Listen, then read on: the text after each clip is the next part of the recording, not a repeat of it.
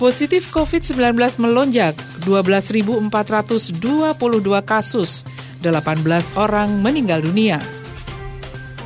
Keluarga diminta tanda tangani surat tidak menuntut jika penghuni kerangkeng milik Bupati nonaktif Langkat meninggal.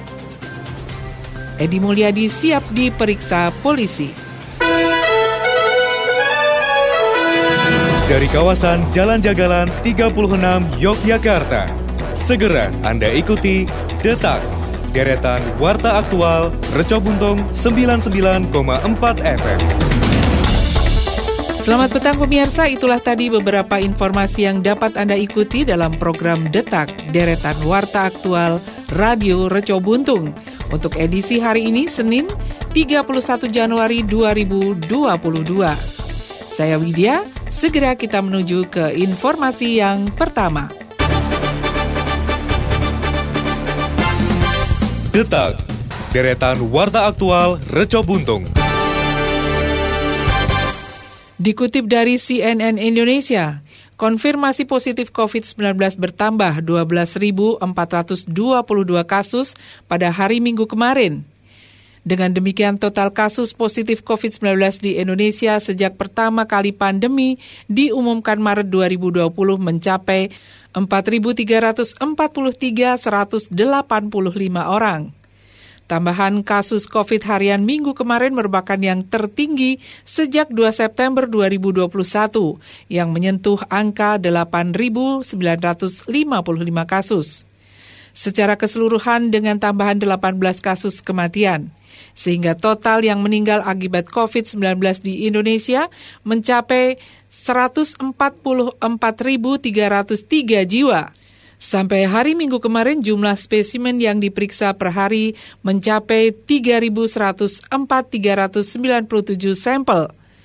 Usai gelombang kedua imbas varian Delta melanda pada akhir 2021, tren kasus harian kembali meningkat awal tahun ini. Penyebaran varian Omikron dan pembatasan mobilitas yang belum berubah disinyalir menjadi penyebabnya. Sejauh ini penularan COVID-19 varian Omikron masih didominasi dari pelaku perjalanan ke luar negeri.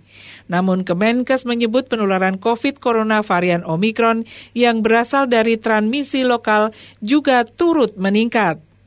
Rincian dari 1.766 terdeteksi sebagai kasus Omikron, 1.066 kasus berasal dari luar negeri, 449 transmisi lokal, dan 251 masih penelitian epidemiologi. Satgas Penanganan COVID-19 juga memastikan pemerintah belum berencana untuk menghentikan aktivitas pembelajaran tatap muka, meski ada peningkatan kasus di sekolah.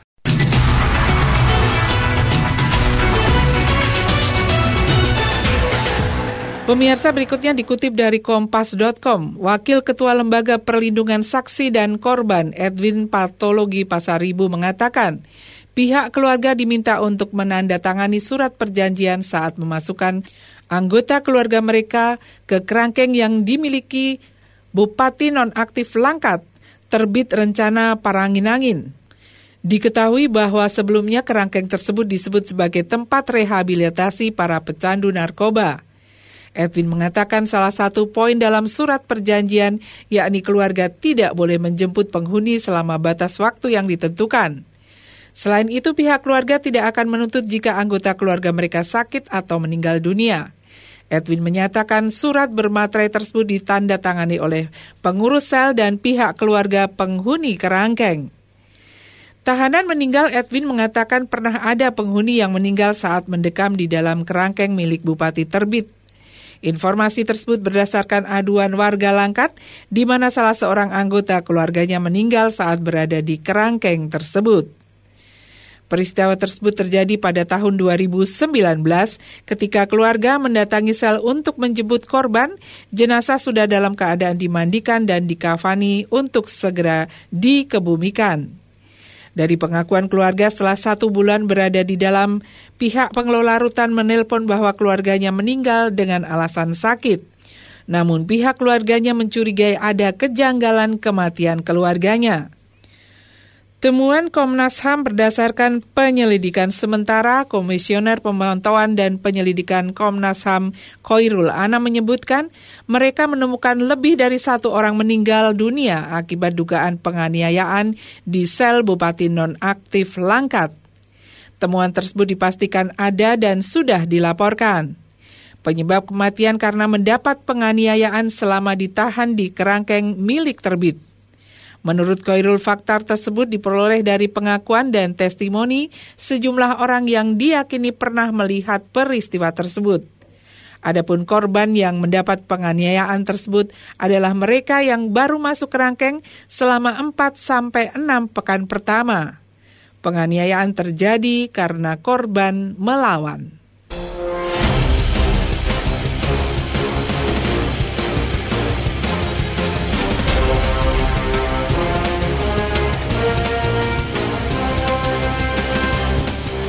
Pemirsa dikutip dari CNN Indonesia, kuasa hukum Edi Mulyadi, Herman Kadir menyatakan kliennya siap memenuhi panggilan polisi untuk diperiksa terkait ujaran tempat jin buang anak saat mengkritik proyek ibu kota baru di Kalimantan. Herman menyebut kliennya bahkan bakal membawa peralatan mandi saat memenuhi panggilan Baris Krim Polri hari ini. Mabes Polri Brigjen Ahmad Rahmadan mengatakan panggilan terhadap Edi pada hari ini merupakan yang kedua kalinya. Edi akan diperiksa penyidik Bares Krim Polri. Surat pemanggilan sudah dikirim dan diterima. Apabila Edi tidak memenuhi panggilan, kepolisian akan menjemput paksa. Kepolisian pernah menjadwalkan pemeriksaan terhadap Edi Mulyadi pada hari Jumat lalu. Namun kala itu Edi mangkir alias tidak hadir. Kasus tersebut merupakan imbas dari pernyataan Edi Mulyadi saat mengkritik proyek ibu kota baru di Kalimantan Timur yang dilakukan pemerintah yang diunggahnya melalui sosial media. Sejumlah pihak tersinggung, Edi lalu dilaporkan ke Polda Kalimantan Timur, Polda Kalimantan Barat dan Polda Sulawesi Utara. Ketiga laporan kemudian ditarik ke Baris Krim Polri. Pada tanggal 26 Januari, penyidik menaikkan status perkara dari penyelidikan menjadi penyidikan. Pemirsa kita hentikan sejenak detak reco buntung untuk kita ikuti kumandang azan maghrib untuk daerah istimewa Yogyakarta dan sekitarnya.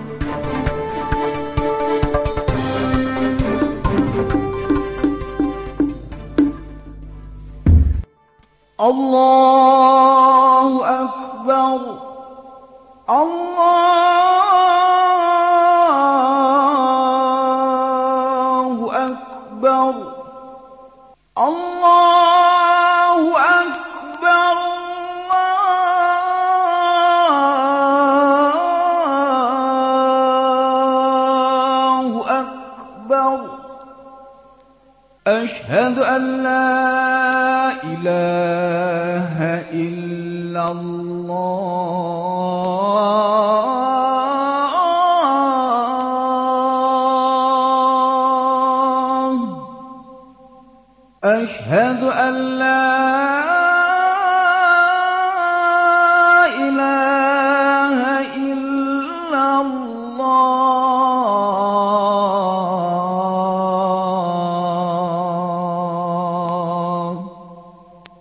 أشهد أن محمد رسول الله.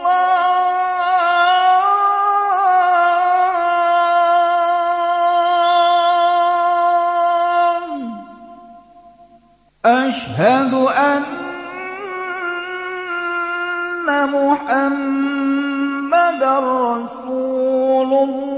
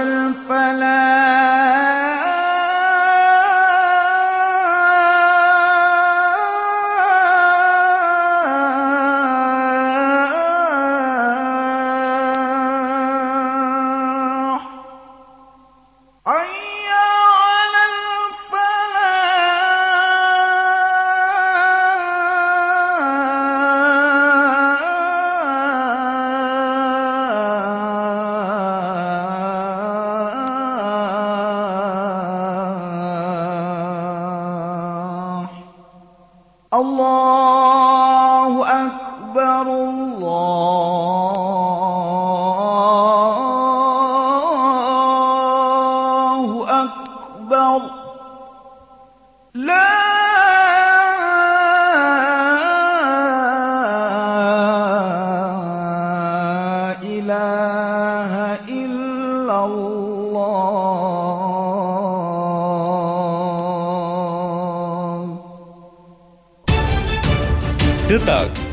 deretan Warta Aktual Reco Buntung.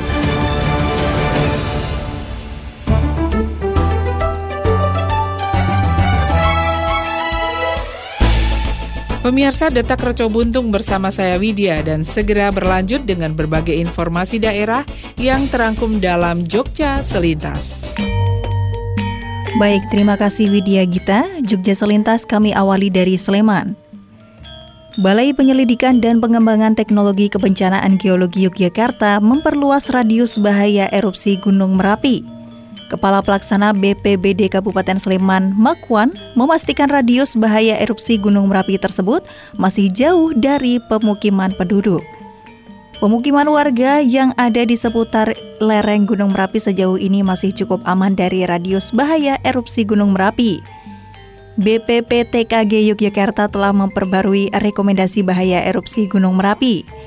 Periode pengamatan 26 Januari 2022, rekomendasi potensi bahaya guguran lava dan awan panas pada sektor selatan barat daya meliputi Sungai Boyong sejauh maksimal 5 km, Sungai Bedok, Krasak, Bebeng sejauh maksimal 7 km.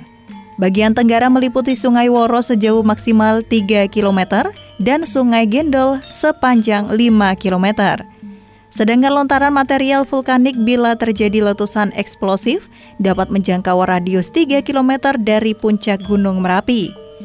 Makwan menyampaikan pembaharuan rekomendasi tersebut dilatar belakangi adanya perubahan topografi lereng Gunung Merapi akibat aktivitas erupsi selama ini. Lereng Merapi sebelah barat daya menurutnya sudah semakin halus karena berkali-kali terkena luncuran lava, sehingga ketika terdapat luncuran lava jaraknya semakin jauh, tidak ada lagi yang menghambat. Pemukiman di Sleman yang cukup dekat dengan puncak Gunung Merapi adalah Tanggul Arum dengan jumlah 168 kakak atau 617 jiwa. Dusun di antara Sungai Bedok dan Kerasak ini masih aman karena jaraknya sekitar 8 hingga 8,5 km. Kedati demikian, menurut Makwan, berbagai langkah antisipasi telah dilakukan, di antaranya dengan menyiagakan semua barak pengungsian, serta menyiapkan Early Warning System atau EWS dan jalur evakuasi. Berita selanjutnya dari Kulon Progo, Dua orang warga Balikpapan, Kalimantan Timur diduga menjadi pelaku penipuan secara online melalui transaksi elektronik terhadap korban Ibnu Hiban warga Pakualaman Kota Yogyakarta pada 18 Januari 2021 lalu. Keduanya ialah FS dan RJ. Kasih Humas Polres Kulon Progo Ibtu Inengah Jeffrey menjelaskan, Kejadian berawal ketika korban mendapatkan pesan yang berisi menawarkan satu unit mobil Avanza tahun 2018 bernomor polisi AB1895CJ seharga 150 juta rupiah nego. Karena tertarik, korban menawar mobil itu seharga 135 juta rupiah.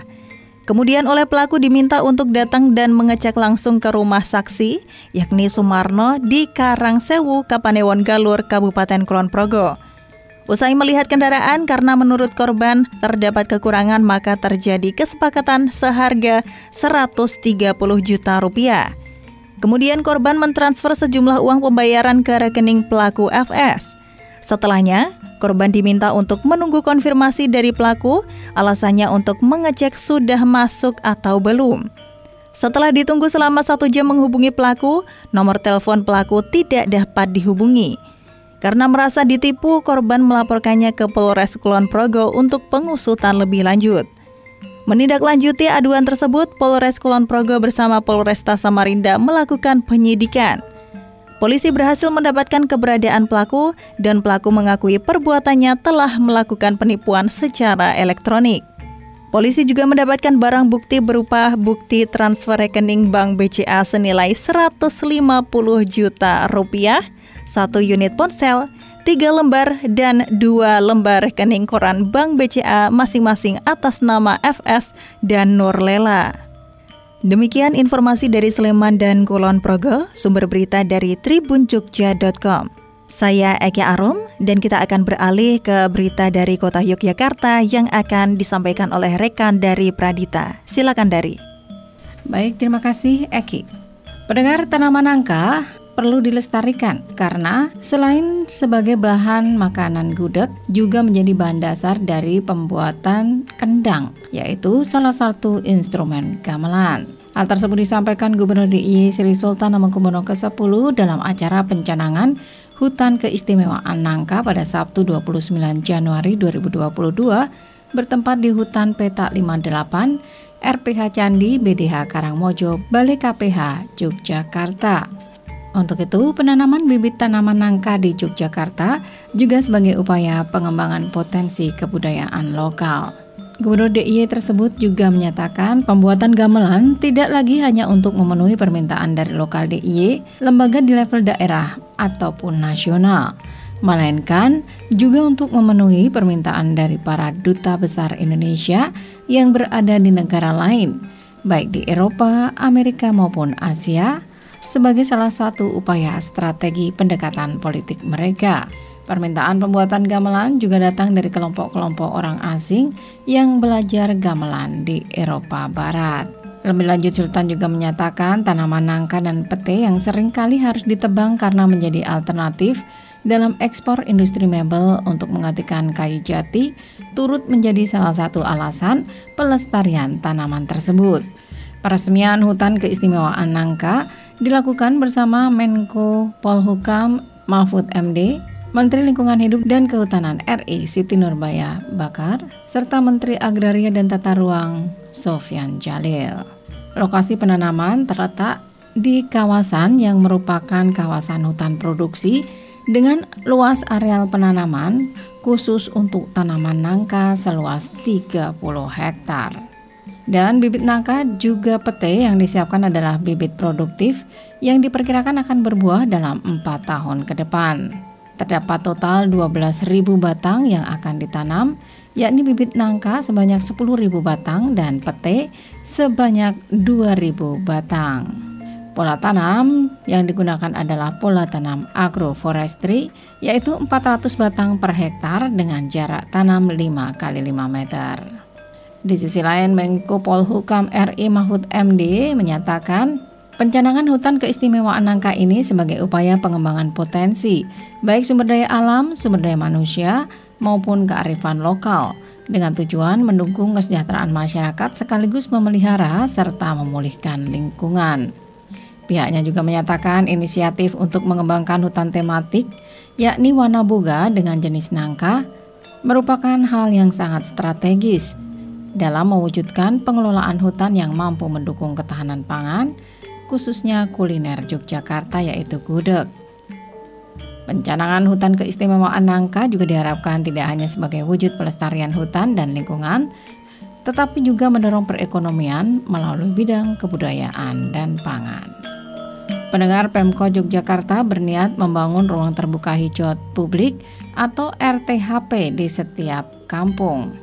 Hal tersebut disampaikan Wakil Wali Kota Yogyakarta Heru Perwadi pada saat mengikuti senam sehat lansia dan jalan sehat keliling Kampung Danu Negaran pada hari Minggu 30 Januari 2022 bertempat di Danu Negaran, Mantri Jelon, Yogyakarta. Pada kesempatan tersebut, Wakil Wali Kota Yogyakarta menyampaikan bahwa rencana pembelian fasum untuk Kampung Danu Negaran telah disetujui. Namun terkendala harga tanah yang lebih tinggi dari harga appraisal sehingga transaksi pembelian tidak bisa dilakukan oleh Pemkot Yogyakarta. Pembelian tanah tersebut merupakan salah satu program kegiatan Pemkot untuk ruang terbuka hijau publik atau RTHP yang harapannya bisa digunakan untuk beragam fungsi sesuai kebutuhan masyarakat. Di sisi lain, Ketua Kampung Danu Negaran Sudewo Hadi menyatakan bahwa Balai Kampung Danu Negaran yang ada di Gledekan Dalam yang merupakan persil pribadi atau SAM dalam kondisi tidak pasti keberlangsungan pemanfaatannya. Oleh karena itu, warga berharap ada fasilitas umum atau fasum dari Pemkot Yogyakarta. Warga juga berharap fasum tersebut nantinya terintegrasi antara tempat layanan masyarakat atau sekretariat ruang rapat, dan fasilitas halaman yang bisa digunakan untuk berbagai kegiatan sosial kemasyarakatan. Demikian informasi dari Kota Yogyakarta, saya dari Pradita. Segera kita menuju ke rekan Eki. Baik, terima kasih dari Pradita. Selanjutnya akan saya sampaikan berita dari Bantul dan Gunung Kidul. Salah satu pelaku perusakan mobil Mercy di Bantul, pria berinisial CP. Polisi menyebut CP bukan korban tabrak lari, ia terprovokasi oleh orang-orang yang berteriak maling yang kemudian ikut nimbrung tanpa mengetahui masalah sebenarnya. Jajaran Satuan Reskrim Polres Bantul telah menangkap tiga orang pelaku perusakan dan pengeroyokan terhadap pengemudi mobil Mercy tersebut. Polisi juga terus melakukan pengembangan untuk mencari terduga pelaku lainnya. Dari tiga orang pelaku yang diamankan, dua orang di antaranya adalah korban tabrak lari. Kapolres Bantul AKBP Ihsan menjelaskan bahwa kejadian tersebut bermula ketika pengemudi mobil bernama GW, warga Magelang, berhenti mendadak di depan resto cepat saji di daerah Niten, Kapanewon, Sewon, Bantul. Saat itu petugas parkir yang sedang mengatur mobil kaget dan menggebrak kap mobil yang dikendarai GW.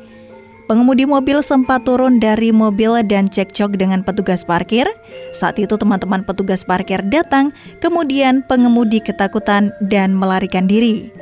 Rombongan teman dari petugas parkir mengejar GW dan dari aksi kejar-kejaran tersebut GW menyerempet tiga pengendara sepeda motor dan diteriaki maling. Pengejaran terhenti di simpang 4 Taman Tirto, Kapanewon Kasihan, Bantul. Di tempat tersebut, terjadi perusakan mobil dan pengeroyokan. Kapolres Bantul AKBP Ihsan menyebutkan hal ini adalah dua peristiwa yang berbeda. Pertama adalah tabrak lari atau laka lantas, sementara yang kedua adalah peristiwa perusakan dan penganiayaan. Kasus tabrak lari sudah diselesaikan dan kedua belah pihak sepakat akan menyelesaikannya secara kekeluargaan. Beralih ke berita dari Gunung Kidul pemirsa, Kasat Res Narkoba Polres Gunung Kidul AKP Dwi Astuti Handayani menyatakan prihatin dengan masih tingginya kasus peredaran obat-obatan terlarang dan narkoba. Terlebih kebanyakan kasus yang terungkap melibatkan remaja. Keterlibatan remaja dalam peredaran obat-obatan terlarang bisa berujung pada aksi lain, baik sebagai pengedar maupun pengguna. Dampaknya bisa berlipat seperti kecelakaan, kriminalitas atau klitih yang berawal dari minuman keras dan obat-obatan. Dwi Astuti mengungkapkan bahwa jenis obat-obatan terlarang yang paling mendominasi hingga kini adalah pil Y atau pil sapi. Selain karena mudah didapatkan, harga pilnya juga terbilang murah dan menguntungkan. Satu di antara kasus pil sapi yang belum lama ini terungkap melibatkan seorang pelajar jenjang SMK asal Playan dan masih di bawah umur. Dwi curiga pelaku tidak hanya mengedarkan, tetapi juga memakai.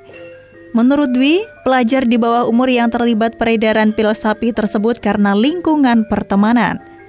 Dalam kasus tersebut juga terdapat tersangka DPO berinisial D. Wakapolres Gunung Kidul Kompol Widya Mustika Ningrum juga meminta masyarakat waspada terhadap peredaran obat-obatan secara online. Terlebih saat ini pengedar berani melakukan secara terang-terangan. Polres Gunung Kidul sudah memiliki tim patroli siber, salah satunya memantau peredaran obat-obatan terlarang. Kapolres berharap masyarakat peduli dan menunjukkan kontribusinya. Jika terdapat yang mencurigakan dari media sosial, silahkan diinfokan ke polisi. Pemirsa demikian tadi informasi dari Bantul dan Gunung Kidul, sumber berita dari tribunjogja.com. Selanjutnya kita akan kembali ke rekan Widya Gita yang akan menyampaikan informasi terakhir. Terima kasih untuk rekan-rekan reporter yang sudah mengabarkan informasi di segmen Jogja Selintas. Dan pemirsa, sekarang kita sampai ke informasi yang terakhir. Detak, deretan warta aktual Reco Buntung. Pemirsa dikutip dari tribunjogja.com. Sebanyak 13 taekwondo asal Yogyakarta bersaing di ajang Piala Wali Kota Solo 2022 meraih 12 medali. Masing-masing di antaranya 4 medali emas, 4 medali perak, dan 4 medali perunggu. Mereka bertanding dengan atlet-atlet asal daerah lainnya di Hall Terminal Tirtonadi. 13 atlet tersebut terbagi ke dalam dua subcabur, pomsai dan kyorugi, kemudian dibagi ke dalam beberapa kelas. Seperti dua medali emas kategori pomsai diraih oleh pemula Aidan Arya Subianto di perorangan putra dan Lana Anindia yang turun di kategori junior putri prestasi. Selanjutnya dua medali emas diamankan di kategori Kyorugi oleh Alvano Jalu Prakoso di kelas Pracadet U22 kg putra dan Meisha Humaira Pracadet U24 kg putri. Adapun empat medali perak dipersembahkan oleh Kaila Alia Pratama, Afika Toa Rikana di kelas Prajadet Putri. Bastian Alfredo Revo serta Kanichi Aryasung di kelas Prajadet Putra kategori Kyorogi. Medali perunggu dipersembahkan oleh Maurice Raymond di kelas prestasi junior putra dan Muhammad Dava di kelas prestasi senior putra kategori Pomsai. Terakhir dua medali perunggu diraih di kategori Kyorogi yang disabet oleh Akbaru Masri dan Faras Azmi.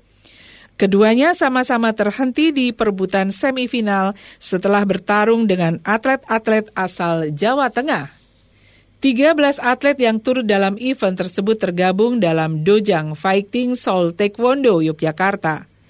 Pelatih FST Devi Alicia bersyukur karena pada kejuaraan kali ini dapat meraih target medali di atas ekspektasinya dari target 3 medali emas. Pemirsa informasi tadi menutup program Detak edisi hari ini, Senin 31 Januari 2022. Radio lawan COVID-19. Jangan lupa cuci tangan pakai sabun, jaga jarak, dan jangan berkerumun. Saya Widya, selamat petang dan sampai jumpa. Pemirsa, telah Anda ikuti Detak, deretan Warta Aktual, Produksi Reco Buntung 99,4 FM.